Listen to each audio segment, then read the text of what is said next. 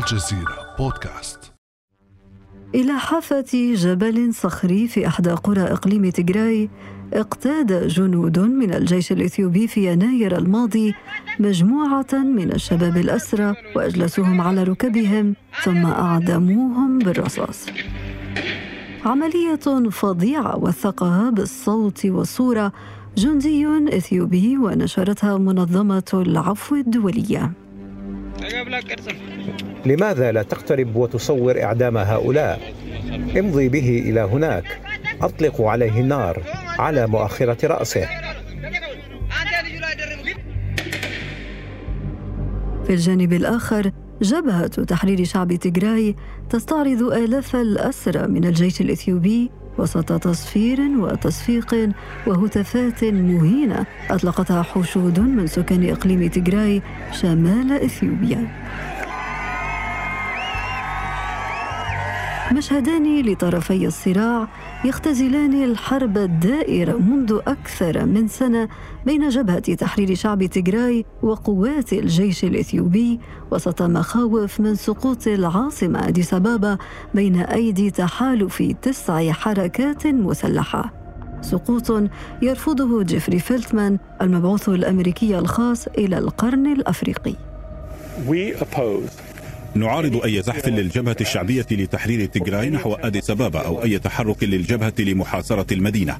لقد أكدنا على هذا الأمر في نقاشنا مع قادة الجبهة الشعبية لتحرير تجراي تسعى الولايات المتحدة إلى إقامة علاقات مع جميع المكونات في إثيوبيا. نريد أن نرى عودة الاستقرار والازدهار إلى البلد بأكمله وأن تستعيد إثيوبيا مكانتها على المستويين الإقليمي والعالمي. ويتطلب هذا الأمر من قادة إثيوبيا ترك أسلحتهم وإيجاد صيغة للتعايش السلمي. فماذا يجري في إقليم تجراي الإثيوبي؟ وما أسباب تفجر الصراع المسلح مجددا؟ وكيف تمكنت جبهة تحرير تجراي من قلب المعادلة العسكرية؟ وما السيناريوهات المحتملة للمشهد في إثيوبيا؟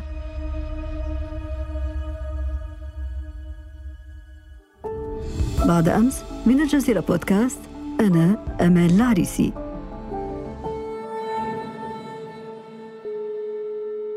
ويسعدني أن أستضيف معي في هذه الحلقة الزميل محمد طه توكل مدير مكتب الجزيرة بأديس أبابا. أهلا وسهلا بك محمد. يا هلا ومرحبا بالزميلة أمال. بداية محمد أحكي لنا ما قصة إقليم تجراي وما أبرز خصوصياته الجغرافية والتاريخية. إقليم تجراي له خصوصية تاريخية وهو أحد الأقاليم العشرة التي تتكون منه جمهورية إثيوبيا ولكن الذي يميز إقليم تجراي هو هذا الإقليم ارتبط اسمه بالتاريخ الإثيوبي القديم ويعرف مع إقليم أمحرة الذي يتقاتلان اليوم. المجاور يطلق عليهم أباسينيا وكل تاريخ إثيوبيا الموقع التاريخي للهجرة الأولى والثانية دخول الإسلام بنفس كان عبر بوابة هذا الإقليم. أيضا هذا الإقليم شهد الإمبراطورية الإثيوبية ملكة سبا التي تتضارب فيها الروايات. الإثيوبيين يدعون أن ملكة السبا كانت هنا وهي بالأسر كانت طبعا في اليمن. فهذا الإقليم زل في الصراع في السلطة يتناوبون مع إقليم أمحر المجاور لهم. ومؤخرا سنة 91 يعني وصلوا إلى السلطة من خلال جبهة شعب تجراي التي قادت تحالف حينها كان يتكون أيضا من أكثر من ثمانية تحالفات لكن اللاعب الرئيسي في هذا التحالف كانت جبهة شعبية لتحرير إريتريا التي تمكنت من سيطرة إريتريا وكانت حليفة للجبهة الشعبية لتحرير تجراي وثم سرعان ما يعني سقط نظام منقذ سنة 91 وهذه الجبهة أحكمت سيطرتها وحكمت البلاد لمدة 27 سنة. وفي ديسمبر عام 2017 شهدت احتجاجات كبيرة قادها الأورومو والأمحرة وكثير من الأقاليم الإثيوبية تمكنت من إطاحة الجبهة الثورية الائتلاف الذي حكم إثيوبيا 27 سنة وبعدها بعد الاحتجاجات انتقلت السلطة من أمحرة انتقلت إلى تجراي ومن التجراي انتقلت إلى أورومو. فبالتالي يزال صراع يعني بدرجة أولى هو صراع السلطة وأجى على أثر احتجاجات شعبية ضخمة. أبي أحمد على رأس الحكم في مارس 2018 وثم في 2 إبريل تولى السلطة ودخلوا في خلاف حاد والجبهة سحبت نفسها كلها وكوادرها ذهبت إلى تجراي وبالتحديد إلى إقليم أمحرة إقليم تجراي ومدينة مقلة حاضرة الإقليم. بالضبط محمد وصلنا إلى احتداد الخلاف بين أبي أحمد وجبهة تحرير تيغراي فلو تذكرنا في هذا السياق بالشرارة الأولى وراء تفجر الأحداث في مطلع نوفمبر من العام الماضي. نعم أمال. في 3 نوفمبر في عام 2020 في وقت مبكر من الصباح أعلن رئيس الوزراء أن جبهة تجراي سيطرت على القطاع الشمالي. القاعدة الشمالية هي أكبر قوة تملك سلاح وأسلحة ثقيلة والدبابات وسلاح برية يعني التي كانت تحادي إريتريا وهي التي دخلت في حروب طويلة مع إثيوبيا. يعني كان بها أكثر من 30 ألف جندي. تم محاصرتهم ومصادرة أسلحتهم وفي يوم 4 ديسمبر عام 2000 في نوفمبر أعلن رئيس الوزراء الإثيوبي الحرب على الجبهة واندلعت الحرب في 4 ديسمبر. تمكنت القوات الإثيوبية وأيضا يعني حينها قيل إن القوات الإريترية التي دأبت النفي مشاركتها ولكنها قيل دخلت حسب اتهامات الأمم المتحدة والإدارة الأمريكية. و تمكنوا من دحر جبهة شعبية لتحرير تجراي واستمر هذا الوضع حتى في يونيو عام 2021 عندما سحب أبي أحمد قواته. طبعا الروايات تختلف. جبهة تجراي تقول إنها أجبرت جيش الإثيوبي الانسحاب ولكن كل المؤشرات تشير إن الضغوطات الأمريكية والأممية والأوروبية نجحت في إقناع أبي أحمد الذي أعلن انسحاب القوات وأجرى انتخابات في عام 2021 بعد أسبوع من انسحابه من إقليم تجراي وثم بعد شهرين فوجئنا في جولاي يعني بالضبط. نعم عودة قوات جبهة تجراي إلى مقله وسيطره على الإقليم. وثم في جولاي توقلت في عمق إقليم أمحرة إذا وصلنا محمد إلى نقطة إعلان. الحكومة الفيدرالية برئاسة أبي أحمد السيطرة على الأوضاع في الإقليم وكما ذكرت تم تنظيم الانتخابات. وتجديد الثقة في أبي أحمد رئيسا للحكومة الفيدرالية لولاية أخرى في الأثناء لم يعد العالم مهتم بأزمة سد النهضة بخلافات إثيوبيا المستمرة مع جارتي السودان ومصر واتجه كل الاهتمام إلى عودة مقاتلي جبهة تحرير شعب تيغراي في تحالف جديد وتهديده بإسقاط العاصمة في بضعة أشهر.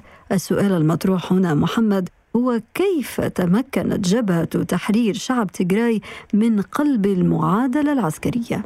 نعم مال هو يعني نحن كمتابعون هنا يعني فيه كثير من المبالغات حول هذا التحالف لو أخذنا المشهد بشكل أوسع ربما الدجيج الإعلامي الذي تصدر كبريات وكالات الأجنبية وخاصة الغربية. ربما تم التدخيم. إثيوبيا تتكون من تسعة أقاليم. الحرب تدور في رقعة محددة اللي هي في إقليم أمحرة في مساحة 300 كيلومتر. ف كل المحاولات الجارية هي لتعزيز الموقف التفاوضي للجانبين وهذا طبعا ما ترفضه الحكومة الإثيوبية لكن لا نستطيع أن نقول أن الجبهة تسيطر على زمام المبادرة يعني هناك حشودات كبيرة. نعم هي أحدثت اختراقات وأحرجت الحكومة الإثيوبية. طبعا واضح أن جبهة تجراي لهم عقيدة لأن هذا الحرب بالنسبة لهم حرب بقاء وخاصة بعد الحرب الأخيرة. من الواضح أمال من الصعب آه، لا التجراويين يقبلوا أن يعيشوا مع بقية الإثيوبيين. يعني الكفة ممكن لو أخذناها 110 مليون يساندوا أبي أحمد وتجراي عندهم حلفاء لكن التنظيمات التي شكلت مؤخرا في واشنطن باستثناء المعارض الأورومية وجبهة تجراي معظمها معارضات غير معروفة للمتابعين للشأن الإثيوبي وتأثيرها على الأرض.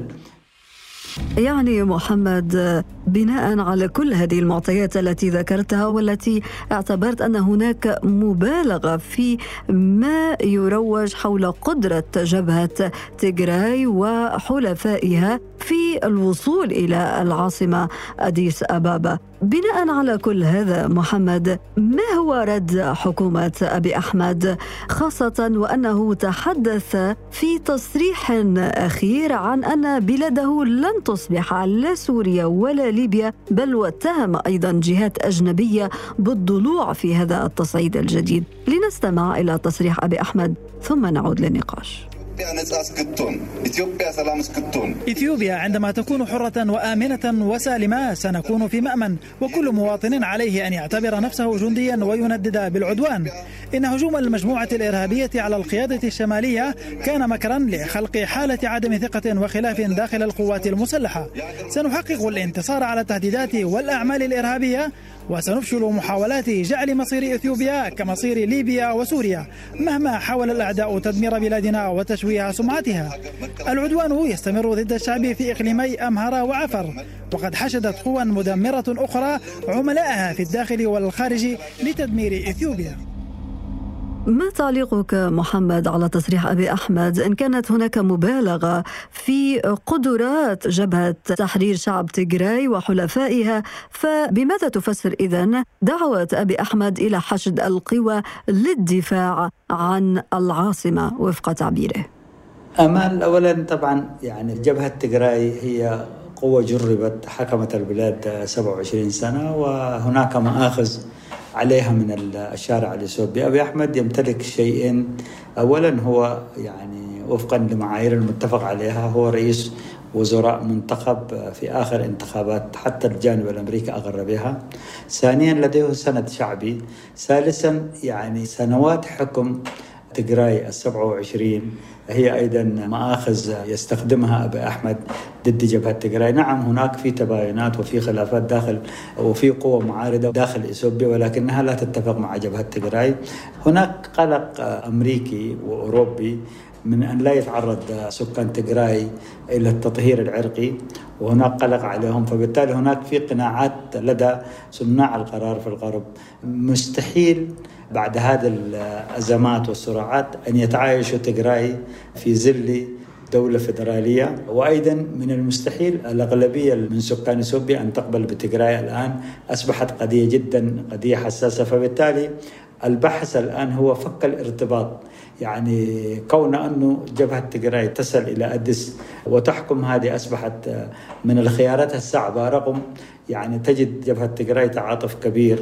وهناك ضغوطات على أبي أحمد لأنه خرج من بيت الطاعة الأمريكية في ملفات عديدة في مسألة الاتهامات والانتهاكات التي حدثت الآن مفوضية حقوق الإنسان أصدرت تقرير وتقرير هذا متوازن يتهم فيها كل الأطراف باستخدام القوى المطرفة المفرطة وانتهاكات حقوق الإنسان. في تصريح رئيس الوزراء الاثيوبي أبي أحمد أشار إلى اتهامات لجهات خارجية لها دور في تصعيد الأزمة في بلاده، من هي هذه الجهات التي يقصدها أبي أحمد؟ هي طبعا هذه الاتهامات مكررة من جانب رئيس الوزراء الاثيوبي وأيضا الآن أصبحت على مستوى الشارع الاثيوبي هناك إحساس إن جهات خارجية توفر الغطاء الدبلوماسي والإعلامي والدعم المادي لجبهة تجراي بل ذهب بعيدا وقال هناك أناسا تم مشاهدتهم أصحاب السنحات البيضاء يعني ناس بيوت شفناهم يقول هذه هي مؤشرات بدون ذكر جنسياتهم أو أسامي الدول ولكن هناك في الرأي العام الإثيوبي إحساس إلى وجود مآمرة خارجية تستهدف تمزيق إثيوبيا وإضعافها وجعلها أداة تنفذ أجندة خارجية. وعادة ما يتهم جبهة تجراي أن هي رأس الرمح لجهات خارجية لتمزيق إثيوبيا. يعني اتهامات هي متكررة لكن تزايدت مع ارتفاع حدة القتال في بين الطرفين.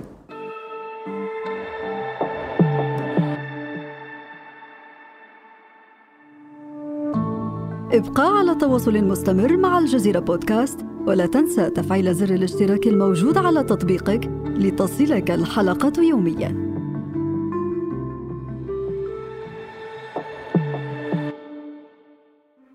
على ذكر تقرير المفوضات الأمم المتحدة لحقوق الإنسان لنستمع إلى تصريح ميشيل باشلي المفوضة الأممية الساميه كشفت المفوضية الإثيوبية لحقوق الإنسان اليوم عن الخسائر الفادحة التي لحقت بالمدنيين بسبب النزاع في تيغراي. لدينا معطيات معقولة تدفعنا للاعتقاد بأن جميع الأطراف ارتكبت انتهاكات لحقوق الإنسان والقانون الإنساني وقد يرقى بعضها إلى جرائم ضد الإنسانية. لقد تعرض المدنيون في تجراي لعنف وحشي وكشف فريق التحقيق المشترك عن العديد من الانتهاكات بما في ذلك القتل خارج نطاق القانون والإعدامات والتعذيب والاعتداء الجنسي والعنف العرقي والانتهاكات بحق اللاجئين والتهجير القسري. تقرير للمفوضية السامية لحقوق الإنسان يتضمن معلومات وحقائق صادمة عن هذا التصعيد المستمر بين طرفي الصراع في إثيوبيا برأيك محمد إلى أين يمكن أن تتجه هذه الأزمة؟ ما هي السيناريوهات المطروحة؟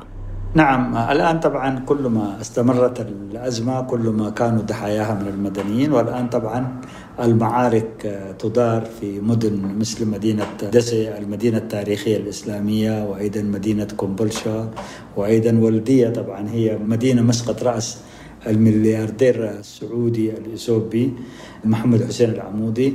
الآن المعارك يعني الضحايا بتاعت في منطقة سكان مزدحمة بأكثر من 4 ملايين فبالتالي هذا الحرب حيكون لها نتائج وخاصة الشيء المزعج. هناك في يعني تسليح مدنيين ينخرطون في الحرب فبالتالي المجموعات التي تشعر بحالة من القبن المناطق التي تعرض الآن هناك اتهامات لجبهة تجراي الاعتداء على المدنيين ولا توجد مصادر محايدة توثق الاتهامات المتبادلة من الجانبين ولكن سيكون لها نتائج خطيرة. على الأقل مستقبل التعايش سيكون مستحيل بين الفرقاء المتقاتلين.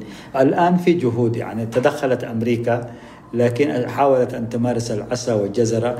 المبعوث الأمريكي اتهم من الحكومة الإثيوبية إنه هو أكثر ميلا إلى جبهة تجراي وإذا المؤتمر الذي عقد في واشنطن والإعلام الأمريكي الذي بث أن أديس أبابا محاصرة. هذا كله طبعا تعتبر أديس هناك ضغوطات غربية وأمريكية عليها. فبالتالي رئيس الوزراء لم يقابل المبعوث الأمريكي خلال زيارته لأديس حدث يعني في اليومين حدث اختراق يعني. فيما يتمثل هذا الاختراق محمد؟ أيوه. يعني بسيس أمل للساعي الوسيط الأمريكي يعني زيارة المبعوث الاتحاد الأفريقي إلى القرن الأفريقي وهو رئيس نيجيريا السابق أبا سانجو زار اقليم تجراي والتقى برئيس الجبهة والتقى مع نائب رئيس الوزراء وزير الخارجية هنا في أديس والاجتماعات مجلس الأمن والسلم الأفريقي خصص لبحث الأزمة في تجراي والجانب الاثيوبي متحمس للحلول الأفريقية بأن يلعبوا الأفارقة دورا مع التحفظ على الدور الأمريكي والأوروبي ولكن هناك إخراج لتجاوز جبهة تجراي كانت تتحفز على الدور الأفريقي باعتباره أكثر ميلا إلى أديس أبابا ولكن يبدو هناك الأمم المتحدة عملت مخرج مزله رباعيه يقودها الاتحاد الأوروبي أمريكا الاتحاد الأفريقي.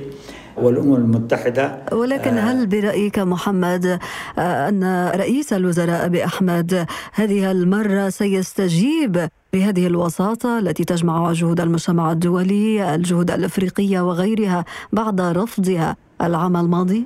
هناك توقعات بأن يقبل بها لأنه الآن حاليا الوسيط هو الاتحاد الأفريقي وإثيوبيا تتمسك تاريخيا بالحلول الأفريقية والمطروح من الجانبين هو انسحاب القوات يعني قوات تجراي من شمال ولو في إقليم أمحرة وقوات تابعة لميليشيا أمحرة من مناطق في قرب إثيوبيا اللي هي المحاذية للحدود السودانية الإثيوبية لا زالت مدينة حومرة التي لا يسلط فيها الأدواء. طبعا لا زالت موجودة تحت سيطرة إقليم أمحرة فبالتالي هناك خارطة الطريق جديدة تختلف قليلا عن خارطة الطريق الأمريكية الأمريكان يروا الأقاليم التسعة في كفة وإقليم تجراي في كفة أخرى. 6 مليون مقابل 10 100 مليون.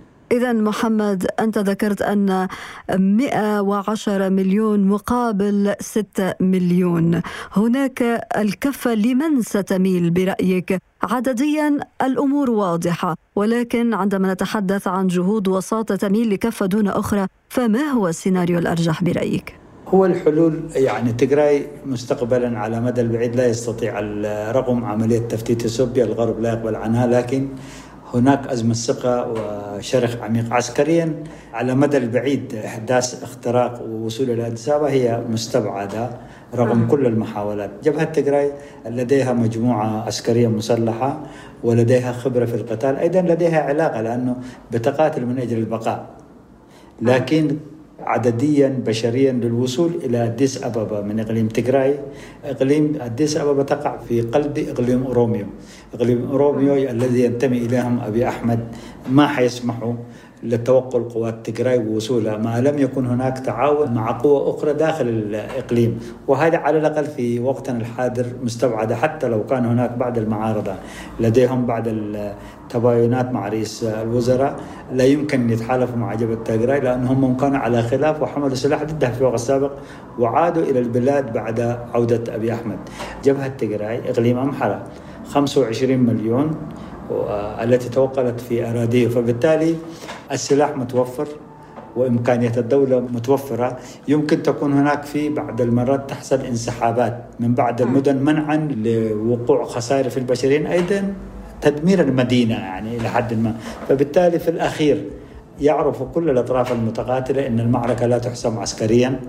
وفي هذا الإطار طبعا تقوم الإدارة الأمريكية والاتحاد الأفريقي إيجاد مخرج حتى لا تنزلق البلد نحو حرب تأخذ أبعاد آه، عرقية. الزميل محمد طه توكل مدير مكتب الجزيرة في أديس أبابا شكرا جزيلا لك على كل هذه التوضيحات.